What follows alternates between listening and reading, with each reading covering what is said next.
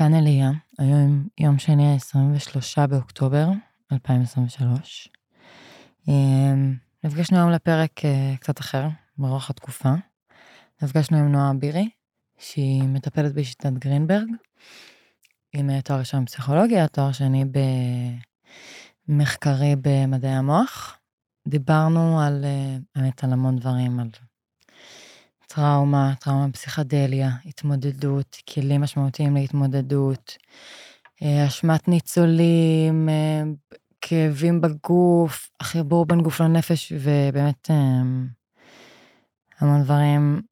וחשוב לי להגיד שהפרק הזה הוא היה מאוד משמעותי בשבילי, ואני מקווה מאוד שהוא יהיה גם משמעותי בשבילכם. לפני שאני אתחיל את הפרק אני אגיד תודה לריפליי, שבזכותם אנחנו יכולים להמשיך את הדבר הזה, וכרגע להשתמש בפלטפורמה הזאת להעביר ולעזור לכם שבחוץ. אני מקווה שתהנו ותעבירו את זה לחברים, ושנדע ימים טובים יותר. אוהבת. רמקול שמאל, רמקול שמאל, רמקול שמאל, רמקול שמאל.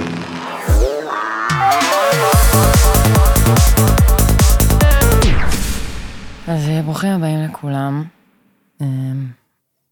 היום אנחנו נפגשים במתכונת אה, קצת שונה. אה, הפרק יהיה קצת יותר ארוך.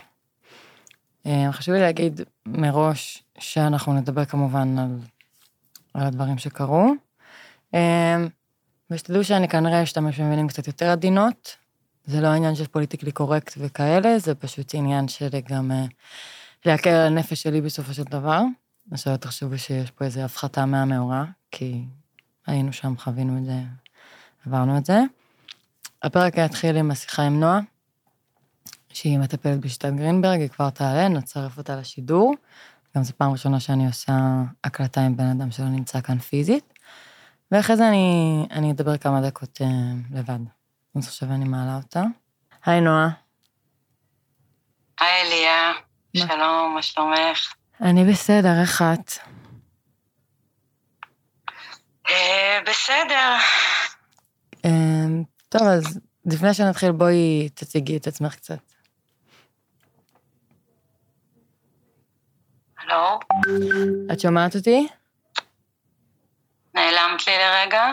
אז אני אומרת, לפני שנתחיל לדבר על הכל, בואי תציגי את עצמך. אה, אז אני נועה אבירי. אה, אני מטפלת בשיטת גרינברג כבר 16 שנה. אה, ברקע שלי יש לי תואר ראשון בפסיכולוגיה ותואר שני במדעי המוח מחקרי. בעצם עשיתי הסבה של קריירה לפני 16 שנה, ומאז אני מטפלת בקליניקה. כשבערך בעשר שנים האחרונות רוב העבודה שלי התמקדה והתמקצעה בעיקר בהפרעות חרדה למיניהם, שכוללות גם PTSD, הפרעת דחק פוסט-טראומטית, וגם עבודה עם פוסט-טראומה מורכבת. אוקיי. Okay.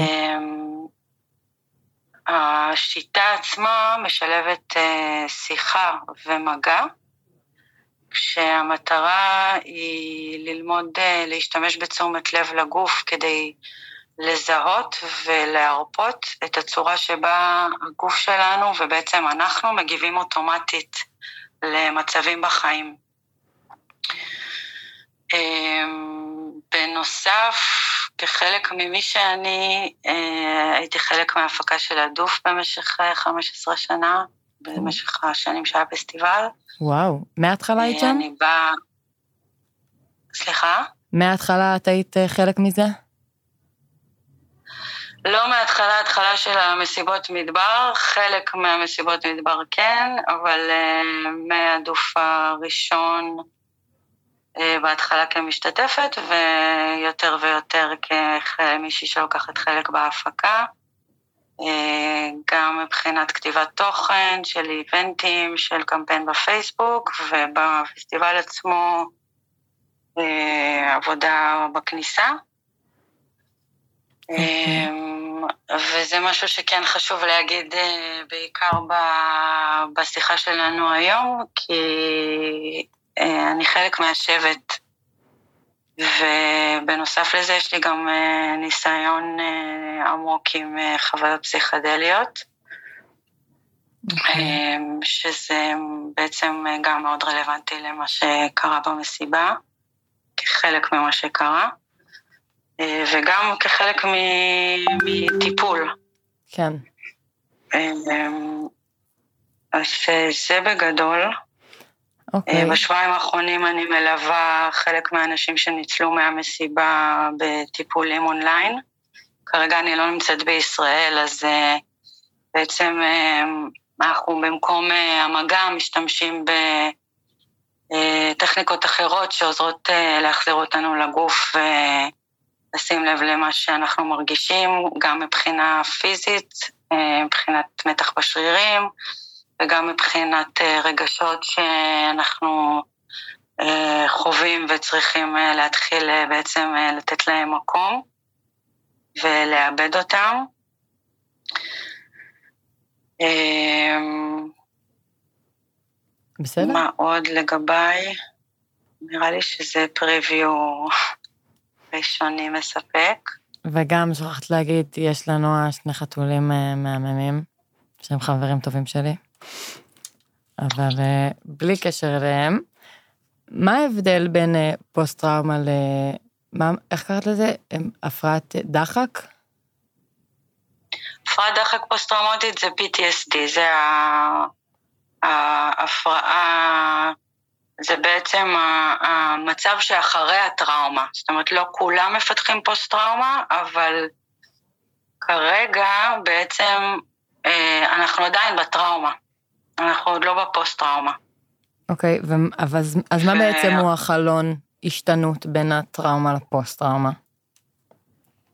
ע- עכשיו אנחנו בחלון הזה. זאת אומרת, המטרה כרגע זה לעבוד עם הטראומה כדי להפחית את הסיכוי לפתח PTSD בהמשך. אוקיי, עכשיו, אולי כמה מילים על טראומה. כן, בטח. אמ, בעצם אה, טראומה זה כל אה, חוויה שהיא מסכנת חיים שלנו או של מישהו אחר, זאת אומרת גם אה, צפייה, גם אם היינו עדים ל, אמ, לסיכון של חיים של מישהו קרוב אלינו, זה גם משהו שהוא טראומטי בשבילנו. אמ, ומה שקורה בטראומה, זה בעצם אה, המוח שלנו והגוף שלנו כאילו מעבירים ערוץ. הם עוברים ל, לערוץ חירום, שכל המטרה שם זה לשמר אותנו בחיים. ו, ובערוץ חירום הזה, אה, קודם כל הוא מיועד אה, להיות, ל, ל, לעבוד אה, לטווח קצר, וכל מה שהוא עושה זה מה שנקרא מערכת ה-fight, flight, freeze. אוקיי, הוא בעצם, אה, שאלה אלה בעצם התנהגויות אה, מובנות של ספיסיס, של, אה, של אה, מין, גם לחיות יש את זה, שהמטרה שלהם זה לספק לנו הרבה הרבה זרימת דם לשרירים, לדכא תפקודים שהם לא דחופים כרגע, כמו עיכול, כמו עוד כל מיני דברים שלא רלוונטיים אה, לזה שכרגע אנחנו בסכנה ואנחנו צריכים או לברוח או להילחם, אה, במקרים מסוימים גם לקפוא. שזה אה, גם משהו שיכול להציל אותנו במצבים מסוימים. אה, ומה שקורה אחרי חוויה מאוד מאוד טראומטית, זה שאנחנו בעצם נתקעים על הערוץ הזה. כן. אני ממש מרגישה את זה עכשיו. המוח והגוף שלנו... סליחה? לא, רק אמרתי שאני ממש אה, בזה עכשיו, גם אה, שבועיים אחרי, אבל אה, תמשיכי. כן, כן. גם אם אנחנו, הסכנה חלפה ואנחנו במקום בטוח, המוח והגוף לא יודעים את זה. וחלק מעבודת הטיפול, אמ, זה להזכיר, להזכיר למוח, ודרך מה שאנחנו עושים בשיטת גרינברג, זה דרך הגוף, אנחנו בעצם שולחים כמו אותות למערכת חירום הזאת במוח של אפשר להירגע, אפשר לכבות את הערוץ הזה, ובעצם אה, להתחיל אה, לעבור למצב נורמלי, במרכאות. אוקיי, אבל... ו... לא. ובלי הכיבוי של הערוץ הזה מאוד מאוד קשה גם בעצם להתחיל לעבוד על כל שאר האספקטים שלנו כבני אדם שחוו את הטראומה הזאת, שזה האספקט הקוגנטיבי והאספקט הרגשי, ובעצם אה, לעשות עיבוד ואינטגרציה של כל החלקים שלנו אה, בשביל להתחיל את התהליך של ההחלמה. כן, אבל זה דורש ממני גם בראש שלי להבין שאני לא בסכנה. ואני מרגישה שעדיין הדריכות שלי משרתת אותי. יכול להיות שאני סתם ככה, וכמובן שבזמנים רגילים לא הייתי חוששת מכל אה, רכב שעובר מאחורי הרכב שלי. לצורך העניין, לפני כמה ימים הייתי באיזשהו מקום, וכשבאתי, כשהייתי באוטו, כשבאתי לצאת חזרה הביתה, עבר מאחורי אוטו אחר. והדבר הראשון שעלה לי בראש זה האם אני אספיק לעשות את הקוד מהר, במידה והוא יתחיל לראות עליי. עכשיו, לפני שלושה שבועות כנראה שבחיים לא הייתי חושבת את זה. אבל הדריכות כרגע זה גם מאיזשהו חוסר ודאות על... כי הרי זה עוד לא נגמר. כמו שזה קרה שם, התחושה שזה יכול לקרות בכל רגע. אז איך אני משכנעת את עצמי גם? נכון, נכון, נכון. אנחנו במצב שהוא טיפה tricky. כי אנחנו כרגע בעצם, במקום להגיד, אה, אוקיי, אה, I'm safe, אה, מתייחסים לזה שהמצב שהיה, שבו נסת לחייך, נגמר. כרגע, באופן יחסי, את סייף. יש עדיין מתיחות, יש עדיין הרבה מתח באוויר, הרבה חרדה באוויר, הרבה אי ודאות, ואנחנו יותר מחפשים את המקומות, ש... את המקומות והרגעים ששם אה, אנחנו יכולים להרגיש יותר ויותר בטוחים, וגם מקרה כמו שאת מתארת, שבו בעצם את, תיארת טריגר. כן. אנחנו קוראים לזה בשפה המקצועית טריגר, שהרעש של מכונית שעוברת לידך, או קרבה של מכונית, בעצם העירו את תחושת הסכנה. וברגעים האלה, והם יכולים להיות, יכולים להיות כרגע הרבה טריגרים, שזה יכול להיות דרך סאונד, זה יכול להיות דרך אה, אה, מראה מסוים, זה יכול להיות אפילו זיכרון מסוים של החוויה, אה, ריחות, כל דבר יכול אה, בעצם אה, להדליק את התחושת סכנה הזאת, ואז שוב, אנחנו עוד פעם במערכת חירום הזאת. אוקיי. Okay. אה, העניין הוא שאנחנו לאורך זמן, לחיות על מערכת החירום הזאת, זה משהו שהוא מאוד מזיק לנו לבריאות, גם הנפשית וגם הפיזית. ובעצם ליצור כל מיני מחלות סטרס למיניהם. ברמה הביולוגית מופרשים לנו בגוף הורמוני לחץ, שזה בעיקר אדרנלין וקורטיזול. שכשהם מופרשים לאורך זמן, זה משפיע על הבריאות שלנו. אמ, הדרך כרגע היא כמה שיותר לעבוד עם מה שיש כאן ועכשיו. וברגע שזיהית שאת חווה תחושת סכנה וחזרת להרגיש בטוחה, המכונית נסעה, הכל בסדר, לקחת את הכמה נשימות שצריך, לדבר עם מי שצריך ולחזור למקום שהוא יותר רגוע. אנחנו לא מחפשים גם כרגע 100% אה, של רוגע והרפייה, אה, זה לא השאיפה, זה לטפל באופן יחסי במה שיש כרגע. זאת אומרת, למצוא את התחושת ביטחון היחסית. אם אפשר לקרוא לזה ככה. כן, אני מבינה את הכוונה. בגלל זה אמרתי גם שאני מרגישה שהדריכות שלי כן, לא ברמות שהיא כרגע, אבל שהיא ברמה מסוימת כן דווקא משרתת אותי במצב הנוכחי. אולי אה, אפשר לעשות איזושהי הבחנה בין דריכות לערנות. מה ההבדל? ערנות אמ, לאו דווקא חייבת לבוא עם הרבה מתח בגוף. יותר אה, להיות בתשומת לב, אה, להשאיר את החושים חדים. אה, זה לאו דווקא חייב לבוא עם ממש דריכות פיזית של השרירים, עם קיבוץ בשרירים, עם מתח. והפחד קיים, אנחנו לא מנסים בעצם להתנגד לפחד.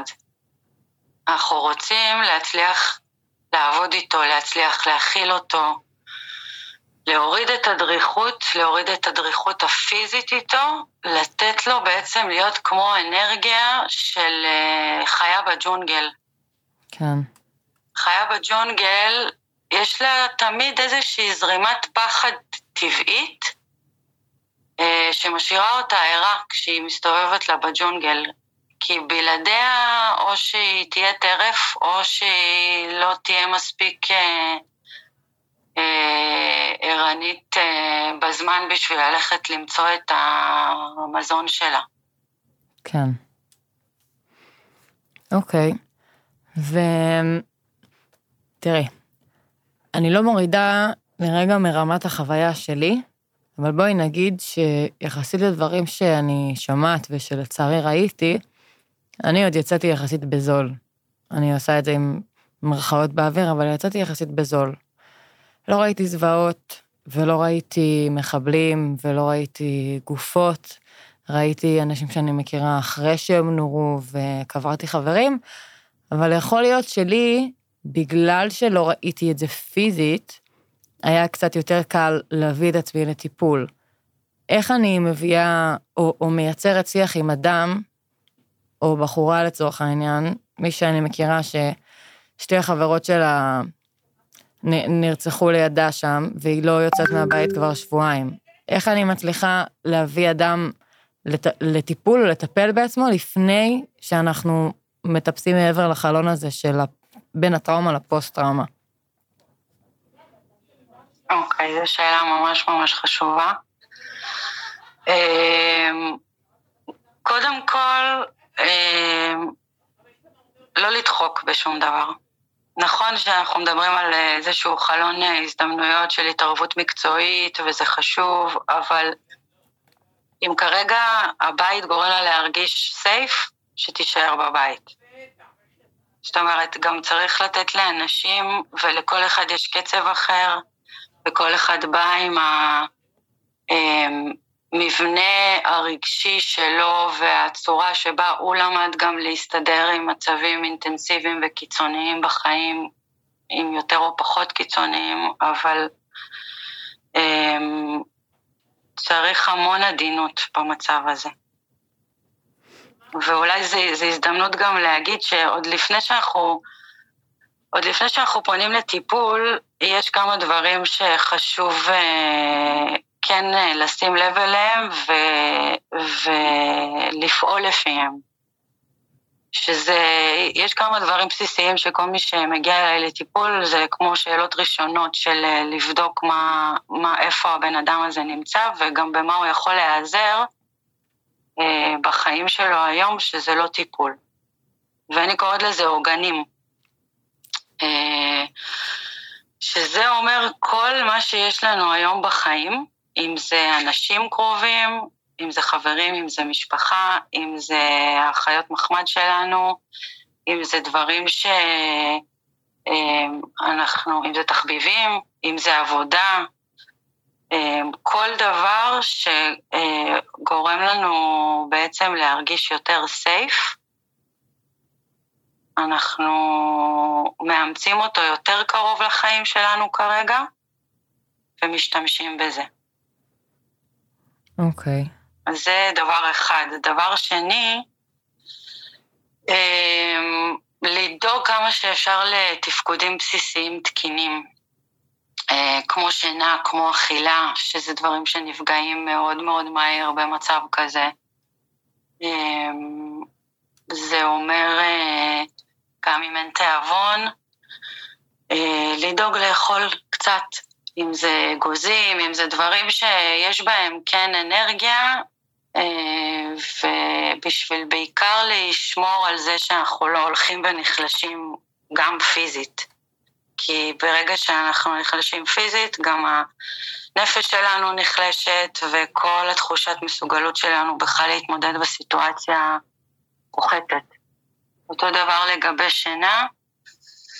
אמ, מה שעוזר לישון, מה שעוזר לי, גם אם זה לישון ארבע שעות בלילה, גם אם זה להצליח לתפוס איזה תנומה של עשרים דקות ביום, ברגע שיש טיפה יותר אה, אה, תחושה של רוגע שאפשר, לנצל את הדברים האלה, זה, זה גם לא כל הזמן. זאת אומרת, יש רגעים טיפה שיש קצת אוויר לנשימה ואותם לנצל, ואז חוזר הסטרס המאוד גבוה, וזה כל הזמן להיות בתשומת לב איפה אנחנו כן יכולים להעניק לעצמנו את הדברים המאוד מאוד בסיסיים עכשיו.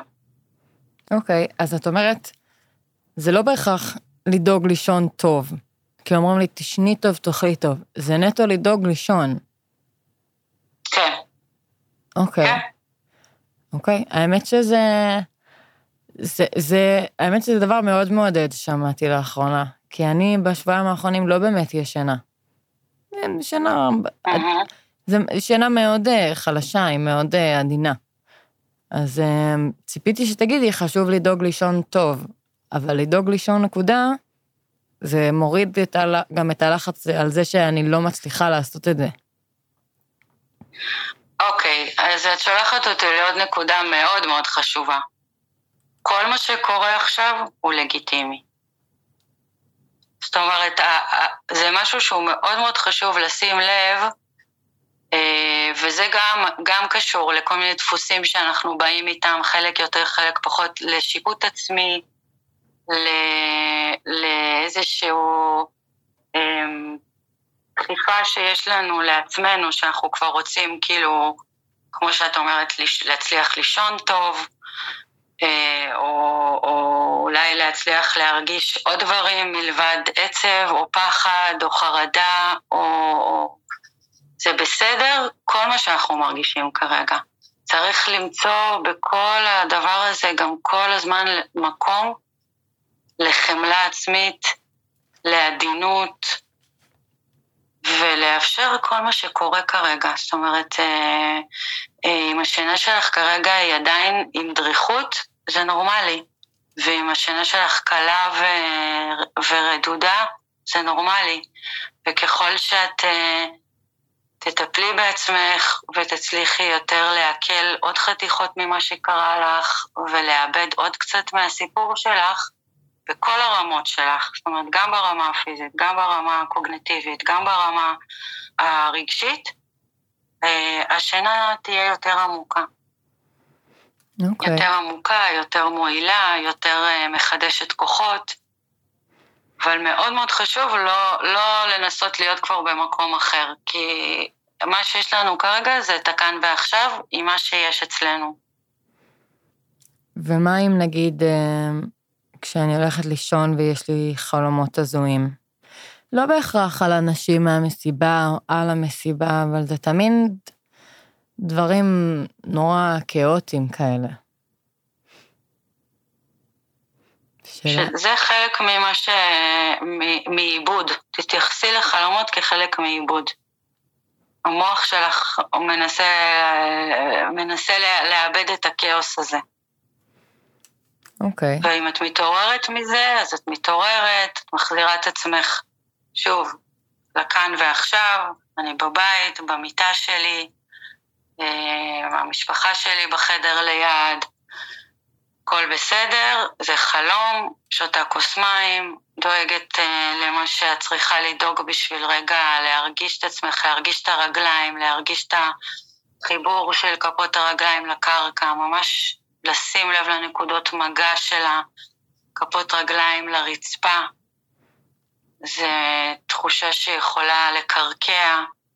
להסתכל מסביב שוב בשביל ממש להזכיר לעצמך איפה את. אם את לא מצליחה לישון אחרי זה, זה גם בסדר. עדיף מאשר להכריח את עצמך לישון ולא להצליח להירדם, אז את קמה, את עושה משהו, את, עד שאת מרגישה עוד פעם שאת עייפה ואת יכולה לחזור לישון. אוקיי, okay. אז זה בעצם גם אחד מהדברים שעלו, הרי כשפרסמתי שתגיעי, אז גם פתחתי פתח לאנשים לבוא ולשאול מהצד שלהם. אמ, אז אנשים באמת אה, ביקשו שיטות פרקטיות. עכשיו, בהתחלה באמת אמרתי לעצמי שהשיטה שלך מתמחה במגע, אבל נזכרתי שאת עושה את זה גם כרגע באופן מקוון. אז, אז נגיד להניח את הרגליים על הרצפה, אני מניחה יחפה, להרגיש את הקרקע. זאת אומרת לנשום ולהגיד לעצמי, אני בבית, אני בחדר, אני בסדר, אני במיטה שלי. זו דרך כן, שהיית, בדיוק. שהיית נותנת לאנשים. בדיוק, ואנחנו עושים את זה גם בכל סשן אונליין. אנחנו מביאים את התשומת לב לגוף, אנחנו מרגישים את המקומות המתוחים. אה, יש כל מיני טכניקות שונות שכשאין לי את המגע כרגע אני יכולה להשתמש בהן אה, כדי אה, באמת לעזור לאנשים להרפות את השרירים שבאופן אוטומטי נשארים מתוחים וחוזרים להיות מתוחים כל פעם מחדש. ואחד הדברים שאנחנו תמיד עושים זה עוד פעם מחזירים תשומת לב לרגליים, לתחושה שיש ברגליים. Okay. אמ, לגבי הטכניקות ספציפיות, אמ,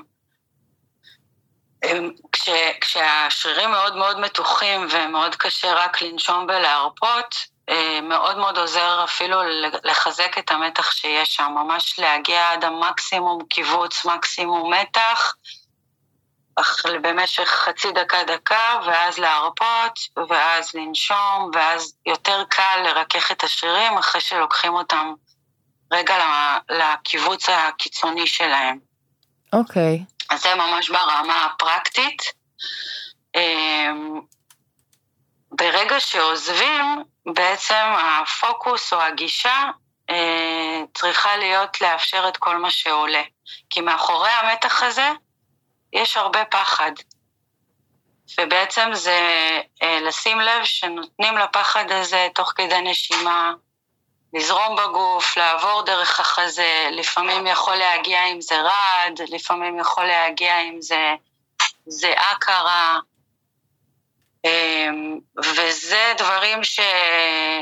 שוב, בטיפול המטפל מלווה ומנחה איך לעשות את זה, איך לא, לה... בעצם הגוף רוצה לחזור להתכווץ עם הזרימה הזאת של הפחד. ולשים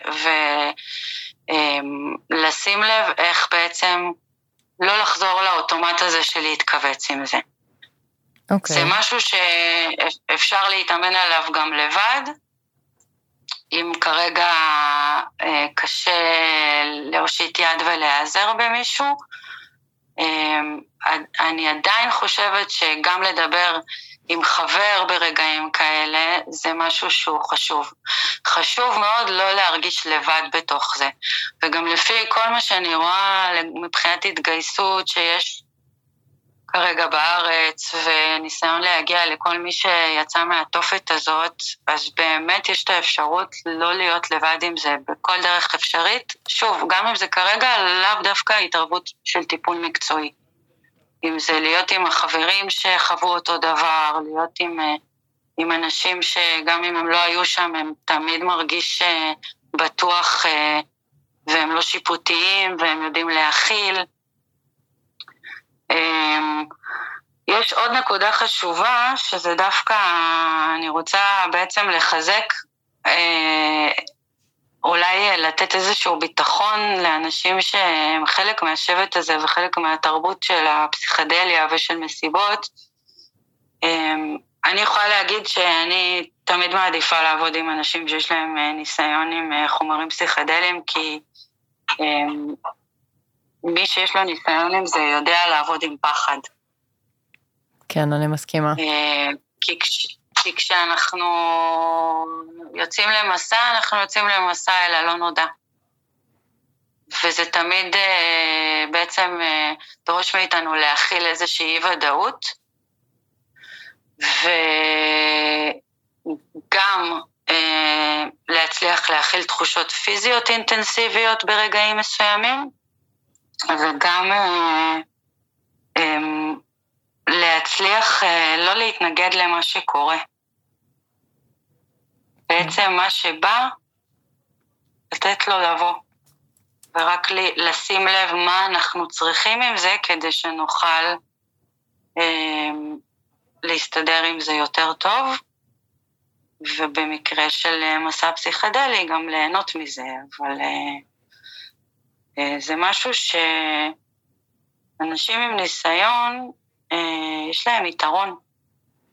וואלה. יתרון עם לעבוד עם תחושות בגוף, יתרון עם לעבוד עם, אה, עם אי ודאות.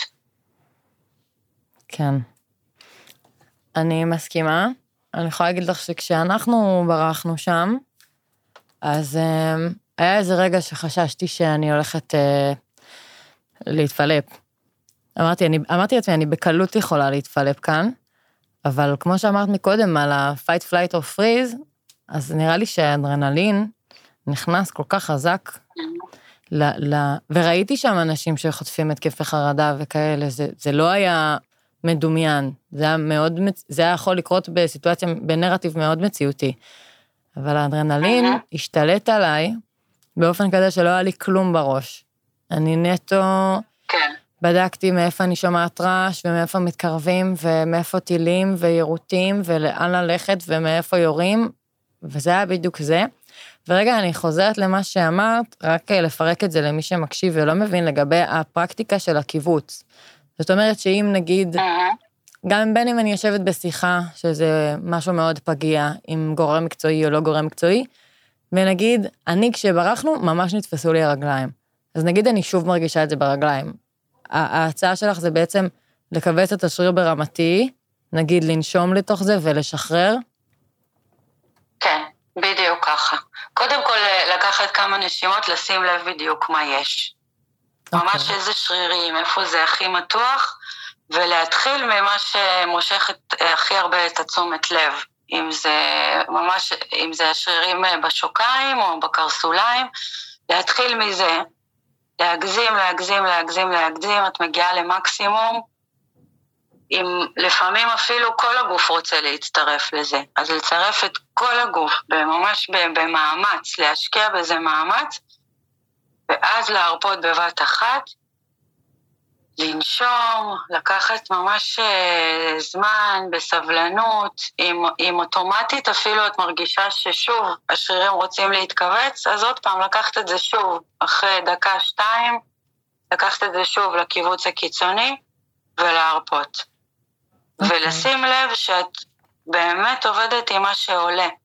אם, אם עכשיו השרירים שלך צריכים קצת לרעוד, אז לרעוד. אם מתחילה איזו בחילה כזאת, כי יש פחד ש, שעולה מהבטן ונתקע קצת בשרעפת, כי גם היא קצת מכווצת, אז רגע להירגע לתוך הבחילה הזאת, מקסימום תקי, יש הרבה אנשים שמכירים שיש פחד מאוד גדול, וזה גם איזושהי דרך שהגוף עושה איזושהי, איזשהו שחרור מסוים דרך ההכאה הזאת. כל מה שקורה כשמשתחרר איזשהו גל של פחד מאוד אינטנסיבי, עכשיו לתת לזה, לתת לזה להתבטא איך שזה מתבטא. האמת שגם המטפלת שלי, אז אני הכיתי שם בהתחלה, מהלחץ, ועכשיו אני הולכת למטפלת בפרדס חנה, ובימים הראשונים אני ממש הרגשתי, בימים הראשונים, בשבוע ומשהו הראשונים, הרגשתי ממש קוצר נשימה. כאילו יש לי משהו בגרון. וכשישבנו uh-huh. ודיברנו, והיא אמרה לי, בואי, בואי נפרוס את הכל, תספרי לי כל רגע, מהרגע שיצאת מהבית ועד הרגע שהגעת חזרה. ובזמן שדיברתי, פייקתי כל הזמן. ובהתחלה התנצלתי, uh-huh. והיא אמרה לי, אין לך מה להתנצל, זה חלק, זה השחרור של התקיעות הזאת שהייתה לך שם בגרון. בול, בדיוק. הפעולה הזאת של הפיוק, הרבה פעמים הניסיון לשחרר את כל מה שתפוס לנו באזור של הגרון ושל העורף, של הלסת, של החיבור של העורף עם ההתחלה של הגולגולת. זה בדיוק זה. ונגעת בעוד משהו, שזה אחד הדברים שגם מאוד מאוד חשובים עכשיו, זה לספר את הסיפור. זה חלק מעבודה של אינטגרציה. חלקכם חוזרים עם שברי סיפור, עם שבר, שברי סיטואציה, עם מראות שלאו דווקא אה, אה, מסתדרים לסיפור אחד אחיד. חלק מה... אה, זה בעצם החלק הקוגנטיבי שלנו, שאם אני מחלקת את זה לגופני, קוגנטיבי, רגשי, אז בעצם החלק הקוגנטיבי זה לדבר על זה, זה לספר את הסיפור, אמ, גם בשביל באמת לעשות, אה, להפוך אותו לסיפור אחיד, אמ, באיזושהי צורה, אה, על ציר זמן, ובאיזושהי צורה אה, לנסות to make sense מה,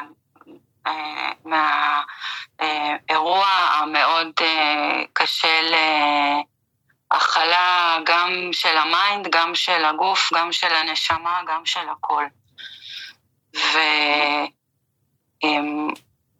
והאספקט הנוסף של זה, זה בעצם uh, to own it. to כן. own it, חלק ממי שאנחנו עכשיו, כחלק ממשהו שקרה לנו, כחלק ממה שהצלחנו לעבור, גם אה, על הרגעים של התושייה, גם על הרגעים של המזל, גם על הרגעים של התעצומות נפש, כמו שאת מתארת על, על הרגע הזה שהרגשת שיכולת להתפלפ, ותראי כמה, כמה חוזק נפשי בעצם יש לך שזה לא קרה. וזה, התהליך הזה של אינטגרציה, הוא חלק חשוב בתהליך עיכול, שבעצם אה, אנחנו תוך כדי עושים איזשהו תהליך של סלקציה של מה מהחוויה הזאת הופך להיות עכשיו חלק מאיתנו, ממש חלק מה-DNA שלנו, ומה אנחנו זורקים, זורקים, משאירים, משאירים, משאירים בחוץ, לא רלוונטי לחיים שלנו. כן, טוב, האמת שאני, את יודעת, אני, מהרגע שזה התחיל, אני כאילו לוקחת כל מה שאנשים מציעים לי. רוצה כדורים הומאופטיים? כן. רוצה שיעצו? כן. דיקור? כן. אה, מסאז'? כן. אה, פסיכולוגים וזה. אז כשבאתי לכאן היום, אמרתי, אני יותר אשתמש בפלטפורמה כדי uh, להפיץ את זה.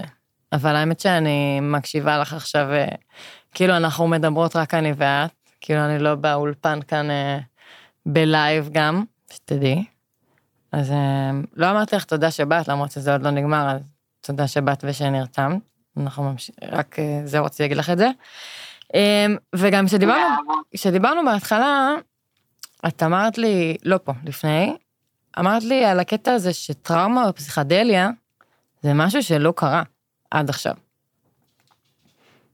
או שאין עליו כן, מחקרים. כן, האמת שגם אחרי שדיברנו, אחרי שדיברנו, גם עשיתי קצת חיפוש באמת לראות, אה, אין, אין לנו מידע מדעי, זאת אומרת, אף אחד לא עשה מחקר על אה, אנשים אה, שהם היו אה, תחת השפעת פסיכדל, פסיכדליה וחוו מתקפת טרור.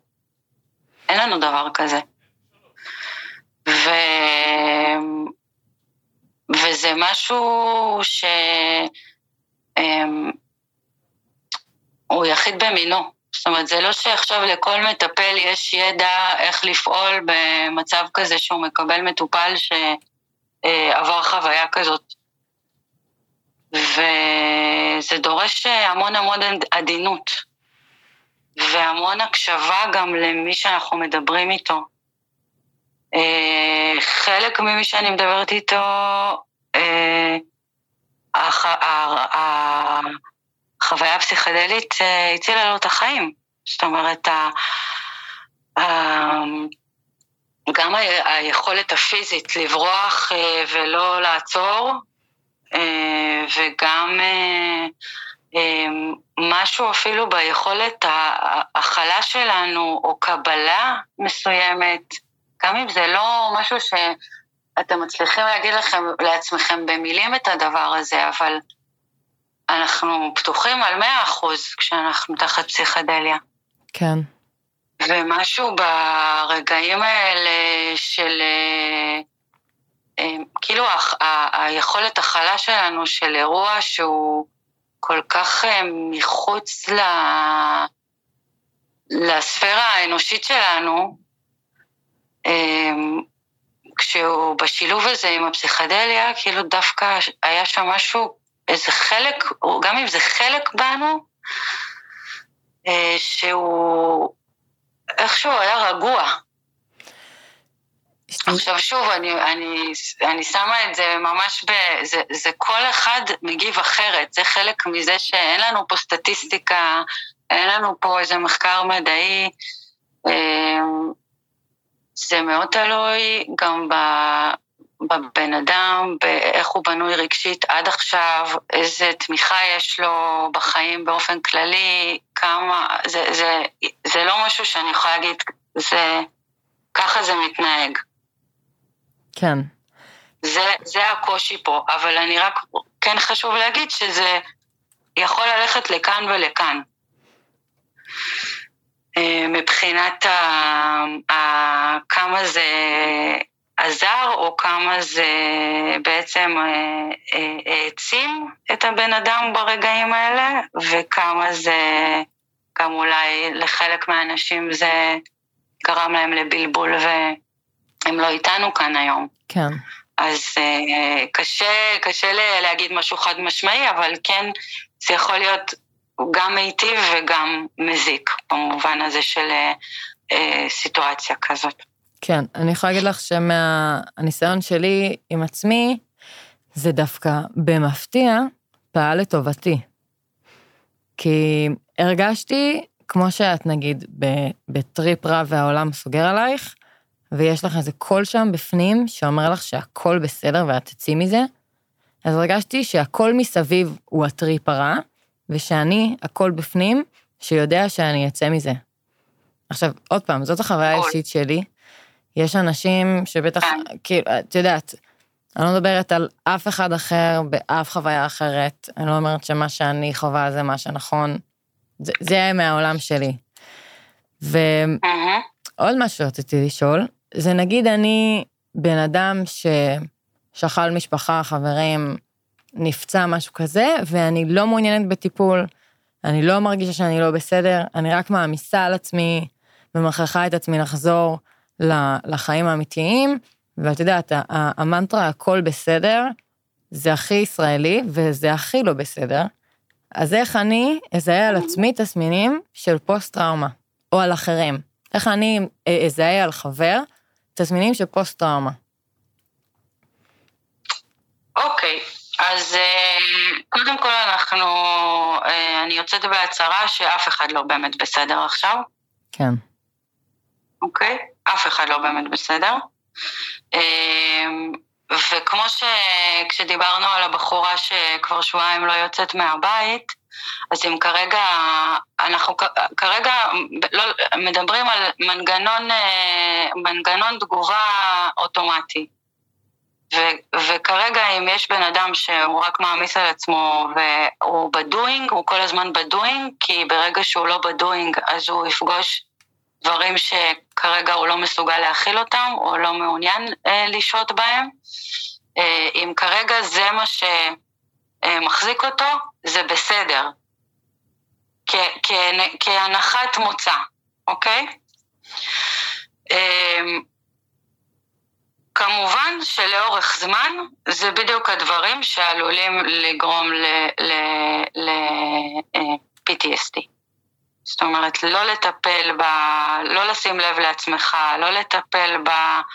ב לא לעשות עבודה של עיבוד ואינטגרציה, שוב, אני, יש גם אנשים שחיו ככה מקום המדינה וכל הדברים שהם אה, הם אה, חוו והם לא פיתחו PTSD, אבל אנחנו כרגע מדברים על, על איך אנחנו מפחיתים את הסיכוי הזה. עכשיו לגבי אמ, מה, איך לזהות, אמ, זה הדברים שבעיקר כבר דיברנו עליהם, התפקודים הבסיסיים, של אכילה, של שינה, של מגע, מגע שהוא יותר אינטימי, זאת אומרת, אה, לפעמים יש קושי בכלל שבגלל שכל הטראומה אגורה בגוף כרגע, לפעמים המגע הופך להיות בלתי נסבל. אז קושי כזה זה גם משהו שצריך להיות, להדליק איזה נורה אדומה.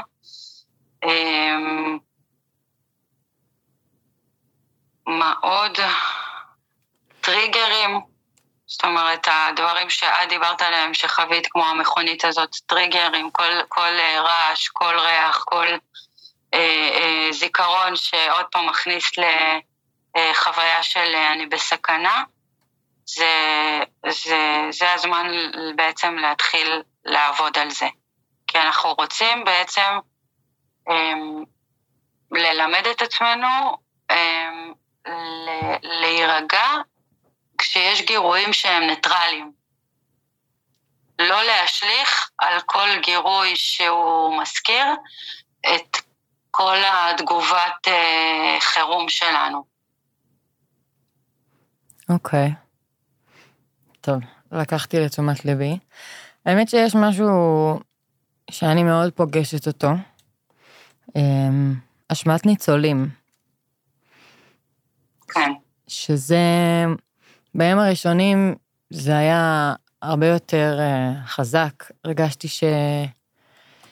שאסור לי לצחוק, ושאסור לי לשמוע מוזיקה, ושזה לא בסדר שאני ישנה במיטה שלי, ושזה לא בסדר שאני אוכלת, ושאני מקולחת, ושאני נמצאת עם הבן זוג שלי, או מדברת עם חברות שלי. ומצד אחד את לא יכולה להאשים את עצמך שניצלת. מצד שני, גם יש לה חברים שעוד, יש לנו חבר חטוף, יש לי חברים, קברתי חברים, את פוגשת משפחות מרוסקות. היו כמה שיבות שגם לא, לא היה לי נעים ללכת לחברים של ההורים, כי לא רציתי להוות איזושהי תזכורת, איזושהי תזכורת, שאני, כמו, כמו לדחוף אצבע לעין, שאני בסדר, ואת הבן שלכם קברנו היום, שרפנו היום, משהו כזה. עכשיו, זה לא אשמתי. שניצלתי. זה גם לא אשמתי ש... שלצערי הוא... הם מתים, אבל זה נורא קשה. זה נורא קשה להשתחרר כן. מזה. כן. אמ, בחוויה כזאת, יש... אה, לא, לא, אני לא מדברת רק על אשמת ניצולים, אני מדברת בכלל שאת חווה משהו כל כך אה, קיצוני ואינטנסיבי, בעצם אנחנו גם רוצים להגדיל את היכולת שלנו לחוות במקביל אה, כל מיני דברים אחרי. אמ, שבמקרה הזה זה אומר שגם כשההיגיון שלך והשכל הישר שלך אומר לך שאת לא אשמה ו... והחיים שלך ממשיכים וגם אה, גם אם את מאוד מאוד עצובה, את רוצה שיהיה מקום אה, להרגיש עוד דברים חוץ מהעצב הזה, חוץ מהפחד. אה, האשמה הזאת עולה.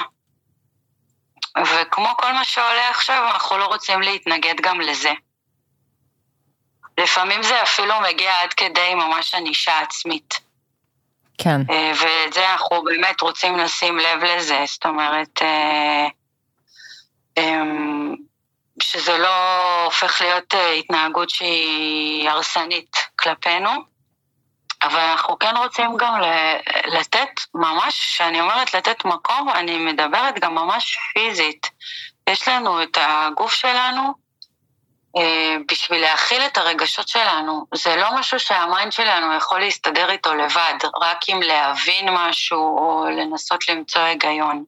הרבה ממה שקרה זה זה תוצאה של רוע שהוא בלתי נתפס. זאת אומרת, זה לא משהו שבן אדם נורמלי עם לב ו- ומצפון אה, באמת יכול לתפוס.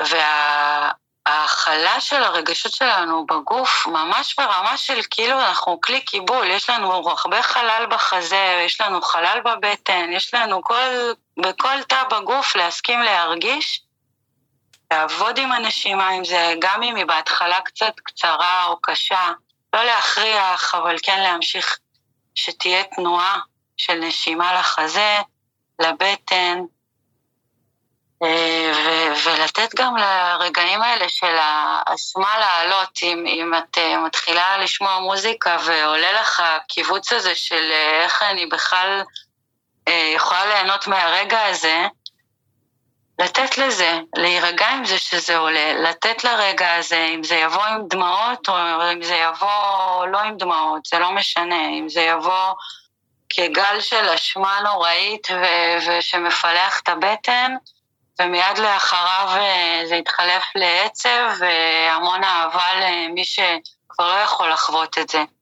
אבל זה המשמעות של לא להילחם בכל מה שעולה עכשיו ולהצליח כן לתת לזה את המקום, ואז הרגשות שלנו בעצם ממשיכים להיות בתנועה. ו... ורגש מה... מעצם ה... זה, זה אנרגיה שהיא צריכה להיות בתנועה. Emotions, תסתכלי על זה כ-energy in motion, וכשזה לא בתנועה, זה נתקע. כן. וכל מה שאנחנו רוצים עכשיו זה שזה לא ייתקע. שנוכל לעבור דרך הרגע הזה גם של האשמה, והוא יחזור. זאת אומרת, זה לא רגע אחד. אבל כל פעם לתת לו את הזמן הזה, את הספייס הזה ממש בגוף, שוב, לדבר על זה אם צריך, זה יכול להיות אפילו משפט עם מי שנמצא לידך, זה יכול להיות uh, שיחה יותר ארוכה, אבל הלדבר זה גם חלק מתנועה, שהדברים יהיו בתנועה. כן. כן, אני צריכה גם להזכיר את זה לעצמי. אמ, טוב, האמת שגם במהלך השיחה חלק מהדברים שאני שאלתי היו כמה שאלות שעלו מהקהל, ואני כן אקח רגע את הרגע לשאול אותך את כמה שאלות שאנשים כתבו לי. גם יש פה כמה דברים שהם יותר ברמה הפילוסופית. מישהו כתב איך עוזרים להרגיש משהו. אני לא חושבת שזה בהכשרה של אף אדם, אבל מהגישה, מהזה. אז, אה, אז זאת השאלה. יש, זה שתי שאלות, אני מחברת אותן. מישהו שאל איך עוזרים להרגיש משהו, ואדם אחריו הוסיף, איך מצליחים להמשיך להאמין בטוב בעולם ובאנשים? אז נראה לי שזה קצת קשור אחד בשני. עוד פעם את השאלה הראשונה? איך חוזרים להרגיש משהו? אוקיי. אמ, מתחילים מלהרגיש את מה שיש. כן, אה? גם אם זה, גם אם זה בהתחלה בלתי נסבל. כן. זאת אומרת, אנחנו לא... זה, זה אולי כן משהו שחשוב לדבר עליו, כי כשיש לנו סערת רגשות, הרבה פעמים האוטומט שלנו יהיה ממש אה, כמו לשים שריון על זה, ולסגור. מה שהופך אותנו ללא מרגישים כלום יותר מדי. זאת אומרת, או מרגישים בצורה מאוד מאוד שטחית. כן. שזה מנגנון הגנה מצוין. בזמן שהכל מרגיש יותר מדי. אבל לאט לאט צריך uh, לפרק את זה וכמו לקלף שכבות מהשריון הזה כדי שנוכל להרגיש. עכשיו, כשאנחנו הרגשות שלנו, אין לנו אמ, צינור אה, וברז ש, של רגשות אה, קשים ושל רגשות אה, שמחים ומרגשים. זה אותו צינור. כן. ברגע שסגרנו את הברז ל... לעצב התהומי ולפחד ולחוסר אונים, סגרנו גם לשמחה ולאהבה ולהתרגשות ולתשוקה ולהכול. אמ, אז התשובה הפשטנית זה להתחיל להרגיש אה, פשוט את מה שיש, גם אם זה ברמה הכי פיזית, גם אם זה להתחיל להרגיש שאני מאוד מתוח ועדיין מבוהל. אבל זה גם משהו, ש... גם משהו להרגיש אותו. כן. אמ, לגבי השאלה השנייה, פה אני חושבת שגם החוויה הפסיכדלית יכולה לעזור. אה, גם אם לא החוויה האחרונה הפסיכדלית שלכם, אבל חוויות פסיכדליות קודמות, אה, כי אחד הדברים שיש לנו בחוויה פסיכדלית זה החיבור הזה ל... ליקום וליופי המדהים שיש בו. כן, ממש ככה. ו... ולצערי, כמה שהיקום אה, יפהפה ואנחנו בגדול חיים על, בגן עדן מבחינת מה שיש למקום הזה להציע. אה, כגודל היופי, גם גודל אכזריות. הרוע. האכזריות, כן. כן. עכשיו, להאמין בטוב, יש בינינו כל כך הרבה טוב דווקא בשבועיים האחרונים מסביב, שזה אולי המקום האופטימי להסתכל עליו. האחדות הזאת שלא הרגשנו אותה בישראל במשך כל כך הרבה שנים, הנתינה הלא מתחשבנת הזאת שיש לאנשים כרגע, הרצון באמת של כולם אה, לעזור ולתרום ושאף אחד לא ירגיש לבד, זה יופי, זה טוב, טוב בסיסי, יש משהו גם באבל הזה ש... שמוצאים מוציא מאנשים, מהלב של אנשים, רק את מה שחשוב באמת כרגע. כן, ממש. שזה הקשר האנושי, שזה ההושטת יד הבסיסית הזאת, וזה מלא יופי. זה מזכיר דווקא עכשיו, זה מזכיר לנו שהאנשים הם מטבעם טובים. אני לא כן. מדברת על אחוז מסוים של סוציופטים שנולדים ככה, פסיכופטים שנולדים ככה, שעל זה יש לנו סטטיסטיקות, ויש את הסוציופטים שנוצרים בעקבות אה, אה, נסיבות חייהם, או אם אנחנו מדברים על אה, ארגון טרור, שזה בעצם אה, סוציופתיה קולקטיבית. כן. אה, ממסדית. כן, כן. אה, שאני מאוד אה, הייתי רוצה להסתכל עליהם כסטייה מהאנושות, זאת אומרת כמשהו שהוא לא, הוא באמת סטייה מכל דבר אנושי שיש, איך שלא נסתכל על זה, זה לא אנושי, זאת אומרת יש שם משהו שהוא כבר way way beyond. כן. ובבסיס שלנו, אם אנחנו מסתכלים על uh, תינוקות, על ילדים, על uh, צרכים אנושיים בסיסיים, זה צורך באמפתיה, ב-attachment, ב-being taken care of, ב-connection, מבחינת מה בני אנוש צריכים בחיים, חוץ מה, כמובן, ההישרדות הגופנית הבסיסית שלנו.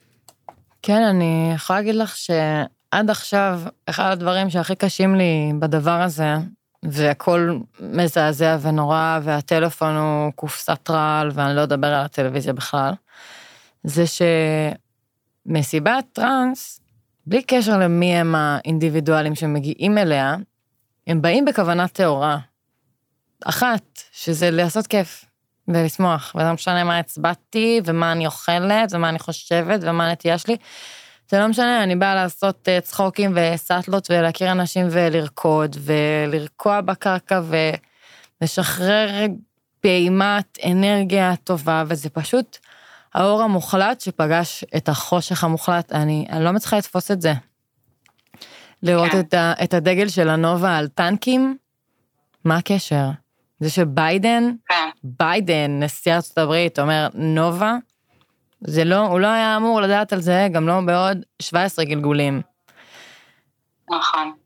אז, אז, אז נכון. זה גם משהו שאני כאילו לא תופסת, אבל זה כבר אה, לא קשור לאף אחד. אני חושבת ש, שיש משהו, את יודעת, אה, חוץ מזה שאיבדנו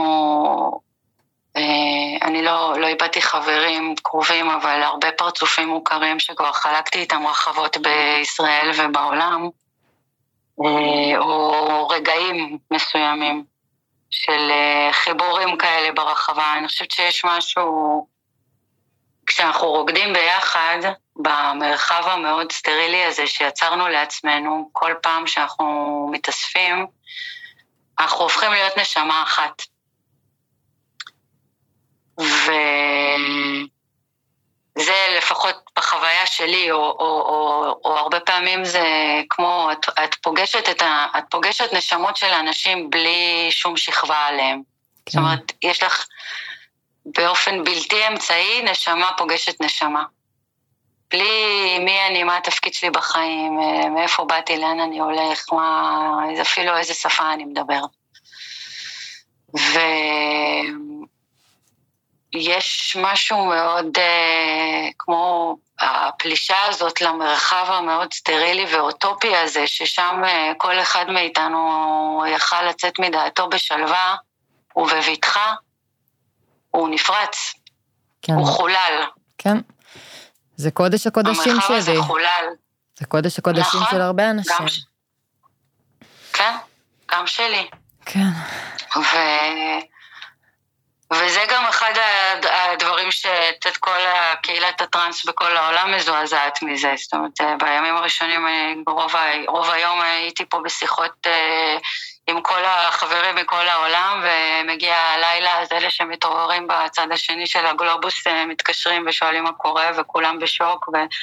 כי זה, זה המעבר הזה. המעבר, ה...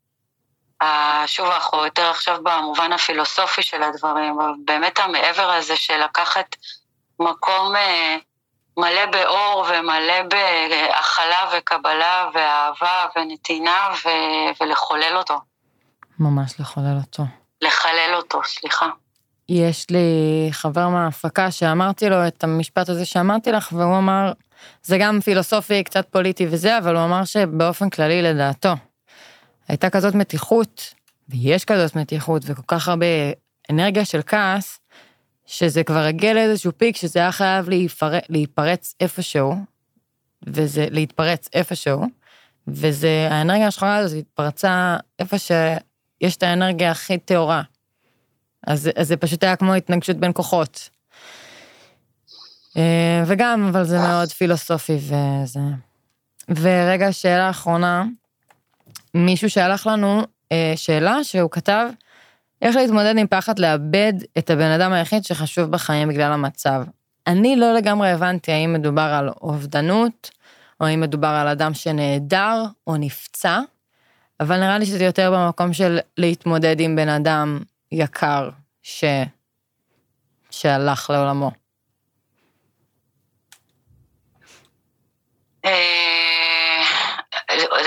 אה, נשמע כמו הפחד לאבד, זאת אומרת מישהו ש, שאולי אה, כרגע אה, עוד לא יודעים אם הוא חי או מת. כן, אני דמיינתי גם, עוד פעם, זה שאני כאן ועושה את הפודקאסט ואני בסדר, זה לא אומר שאין אנשים ש... שיפתחו עכשיו אה, מחשבות אובדניות וילכו אחריהן גם. אז, אז זה מה שאני חשבתי על זה, אבל עוד פעם, אני לא לגמרי יודעת. למה, אני לא הבנתי את זה כמחשבה אובדנית. הבנתי את זה כאיך איך, איך להתמודד עם הפחד לאבד אדם קרוב, לא? כן, זהו, זה גם מה ש... אני לא בדיוק בטוחה, אבל פשוט הוא הוסיף שם, אה, היא, היא הוסיפה נראה לי, לא משנה, בגלל המצב. אז אני פשוט לא... לג... זה לא משנה הדקות, ה... כאילו דקות הזאת, זה סתם... אה, זה. אבל בואי נלך על נגיד אה, פחד מלאבד אדם קרוב. אמ, אני מרגישה שאני קצת הולכת לחזור על עצמי, אבל uh, אני עושה איזושהי רדוקציה, פחד לאבד אדם קרוב זה, זה בשורה התחתונה, במהות של הדברים, זה, זה uh, לפחד מכאב מאוד גדול. כן. כי לאבד אדם קרוב זה, זה אומר שיכאב לנו מאוד. כן. כן, באמת. ואולי זה עוד מישהו שהוא כל כך קרוב, שזה יסדוק עוד קצת מהביטחון שלנו בעולם. כי זה מישהו שהיה חלק מהרשת הביטחון שלנו. כן. וזה לעבוד עם הפחד הזה ועם הכאב הפוטנציאלי הזה, ועם האי-ודאות שיש בסיטואציה כרגע. שוב, ולא להיות לבד עם זה. כן, נראה לי שזה בתכלס זה- אה, אחד הדברים הכי חשובים שאפשר להגיד. כן. לא להישאר לבד. לא להישאר לבד, כן, אם צריך קצת זמן לבד, כן למצוא. זאת אומרת, שוב, לתת גם מקום לזה שכל אחד צריך דברים אחרים גם במצב הזה, ולפעמים קצת לבד ושקט זה גם זמן שצריך, אבל בעיקר בתחושה, זאת אומרת, גם, כש, גם כשאת לבד, שב, שהלבד הזה יהיה משהו שהוא נותן לך, הוא תורם לך ולא מכניס אותך לתחושה שאת עכשיו לבד עם הדברים. כן, אני התכוונתי לא לבד בתוך הראש שלי, כן, ולא הלבד אה, פיזית. בדיוק, בדיוק. זאת אומרת, ה, ה, ה, אולי התחושה של הבדידות הזאת ש, שיכולה לבוא עם זה, ש, של, של החוויה האינטנסיבית הזאת, ושעכשיו את uh, לבד עם זה. כן. אז זה משהו, כל מה שעוזר לא להרגיש לבד, זה טוב עכשיו. כן. אה, נוהל, האמת שאנחנו ממש לקראת סיום. אני ממש מודה לך, באמת, גם לי זה עשה ממש טוב. תודה רבה על הזמן שלך שהקדשת לנו. ממש, אה, ממש באהבה, ואני מקווה שזה יעזור לאנשים, ואת יודעת שאת מוזמנת תמיד לדבר איתי. כן, תודה נוהל. אם יש לך עוד משהו שאת רוצה להגיד, ככה לפני שאנחנו מסיימות? מתי נרקוד שוב? אה, מה זה? מתי נרקוד שוב? אולי זה באמת גם משהו להגיד אותו, שאנחנו נרקוד שוב.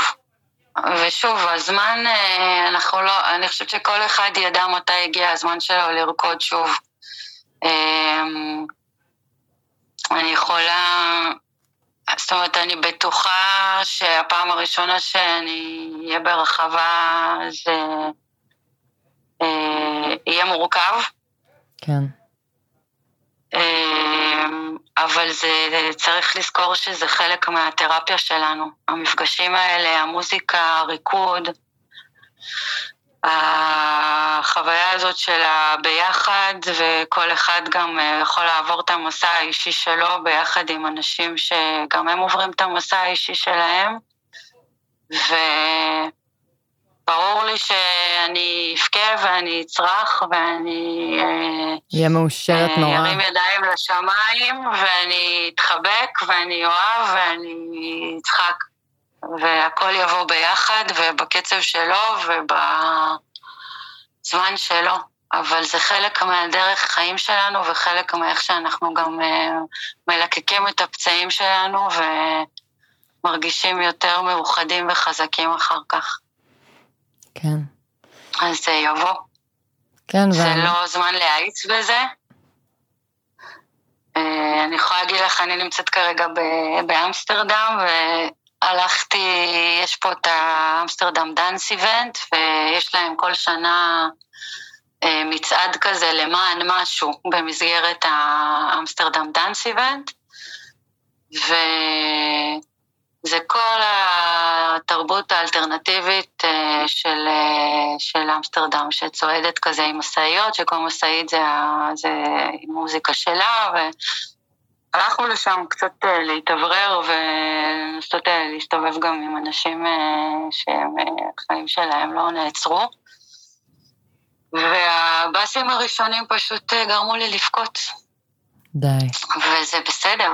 זאת אומרת, זה, זה מה שמוזיקה עושה לנו, היא עוזרת לנו גם לאבד רגשות ונוגעת עמוק ופורטת לנו על מיתרי הלב ומרקידה את הרגשות שיושבים בבטן. אה, ואני מניחה שפעם ראשונה ברחבה במסגרת מסיבה זה יהיה עוד יותר חזק ועוד יותר עוצמתי. כן, אז אה, כל אחד בזמן שלו, כל אחד אה, בקצב שלו, נחזור לזה. הלוואי. טוב, תודה, נועלה, ממש תודה. תודה רבה, אליה, ומלא אהבה לכולם. העולם צריך את זה, כן. בערימות. לגמרי. ותודה ל- לך ולפודקאסט שלך, וכל הכבוד שאתם ממשיכים ומדברים, ולא מובן מאליו כרגע. אני חושבת שזה יכול לעזור להמון המון אנשים עכשיו. כן, אני מקווה מאוד, האמת שזה מה שזה יעשה. לי עזרת בטוח, ואני יודעת עוד אה, כמה אנשים שעזרת להם. זהו, אני אדבר איתך כבר, ואני אודה לך שוב, ו...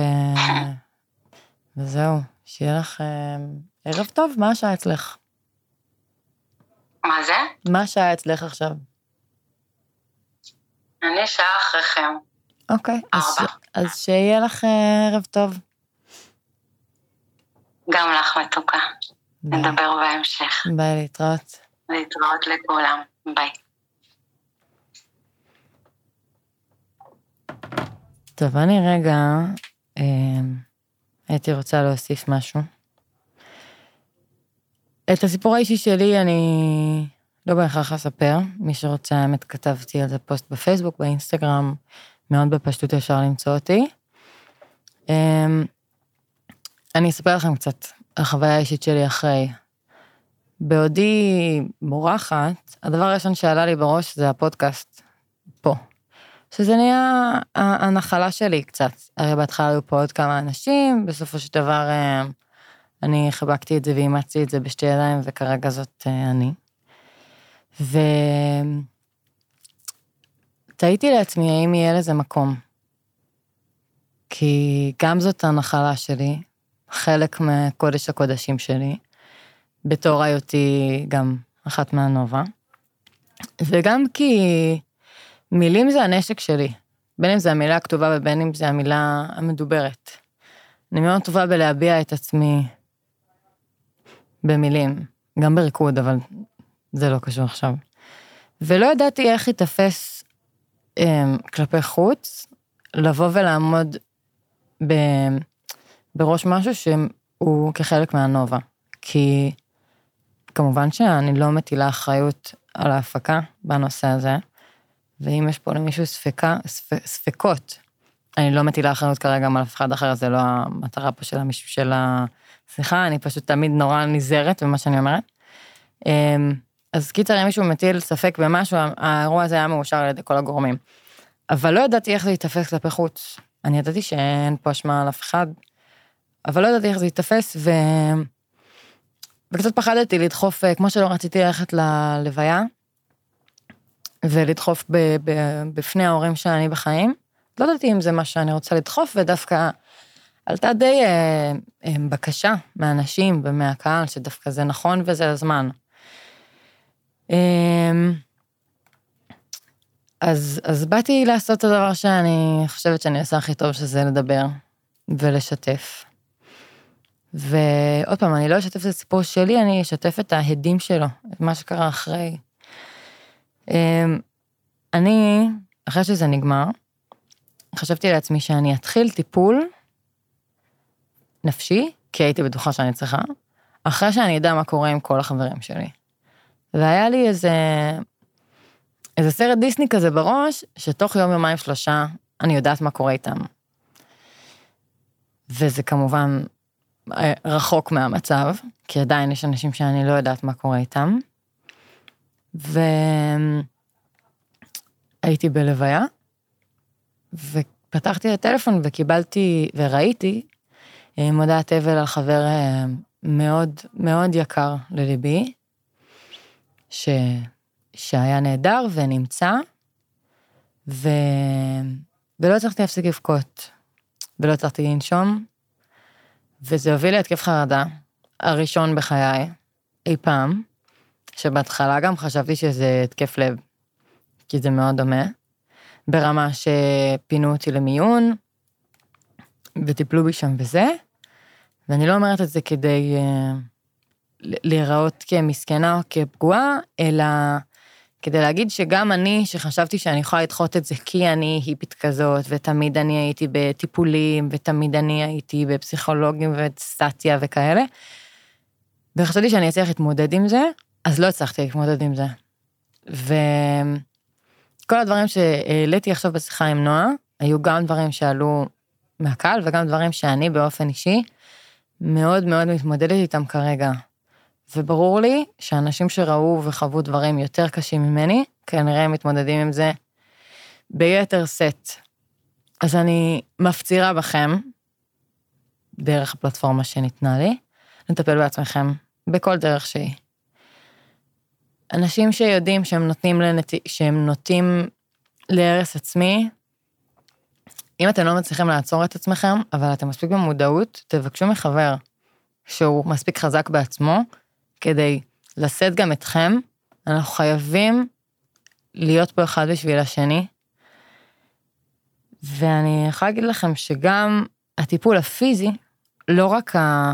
לגעת בקרקע ולהזכיר לעצמי שאני כאן בבית, כמו שדיברנו עם נועה, אלא גם פיזית, מסאז', טיפול במגע, שיאצו, דיקור, כל טיפול כזה או אחר, זה מאוד משמעותי.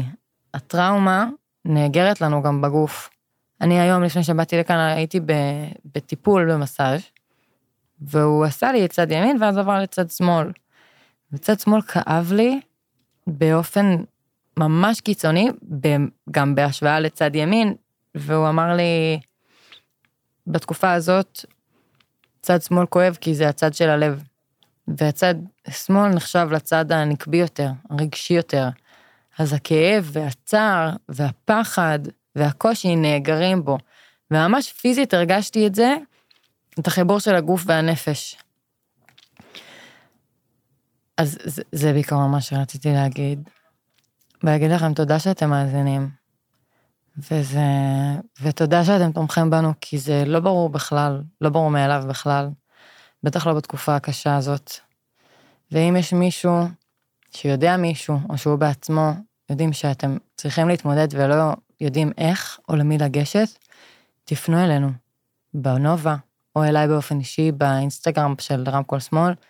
יש לנו רשימה עצומה של מטפלים שהם כולם פסיכדליה פרנדלי, שמוכנים לעזור לכם גם עכשיו, גם בעתיד, יש לנו חלון לטפל בעצמנו, וכדאי לנו מאוד מאוד לקחת אותו בשתי ידיים, וגם הפרק הזה מיועד גם לאנשים שלא היו בהכרח במסיבה. כל אדם כרגע במדינה, ככל הנראה, חווה טראומה ברמה כזאת או אחרת, וגם אם הוא לא אדם של פסיכדלים, כנראה שיעזור לו הדבר הזה, מה שדיברנו, מה שנועה אמרה, מה שאני שיתפתי. אה, וזהו, ותשמרו על עצמכם. ואני מקווה מאוד שהפרק הזה עזר לפחות לאיש או אישה, אחד או אחת. ואל תתביישו להרים את הקול שלכם ולבקש עזרה. וככל הנראה שאנחנו נמשיך בסדרת פרקים שיהיו יותר טיפוליים, יותר מרפאים. כל דבר אתם תמיד מוזמנים לפנות אלינו ולדרוש שאנחנו זמינים. וזהו, שיהיה לכם אה, המשך יום טוב, ושנשמע קצת בשורות טובות. וזה בסדר לצחוק וזה בסדר לשמוח. אה, ולפני שנסיים אני רק אחזור על שלושת הטיפים שנועה נתנה לנו להתמודדות. א', לספר את הסיפור במלואו, אם אתם רוצים תכתבו אותו ברמת השעות, שבע כך וכך, הגענו. אה, הגענו לרכב, אפילו תתחילו לפני, שלוש יצאתי מהבית, ארבע הגעתי, ככה ממש תפרקו את זה, אני יכולה להגיד לכם שלי זה מאוד עזר. שני זה הקרקוע, והרגע עולה בי חרדה, עולה בי לחץ, להסתכל לצדדים, אני לא במצב של סטרס, אני צריכה להרגיע את המערכת שלי. והשלישי זה, אם הגוף מתכווץ, אז להתכווץ איתו. אז אמרנו לספר את הסיפור, להתקרקע, ולהתכווץ ולהשתחרר. אז זהו, אני מאחלת לכם אה, המשך יום נפלא, וניפגש בפרק הבא.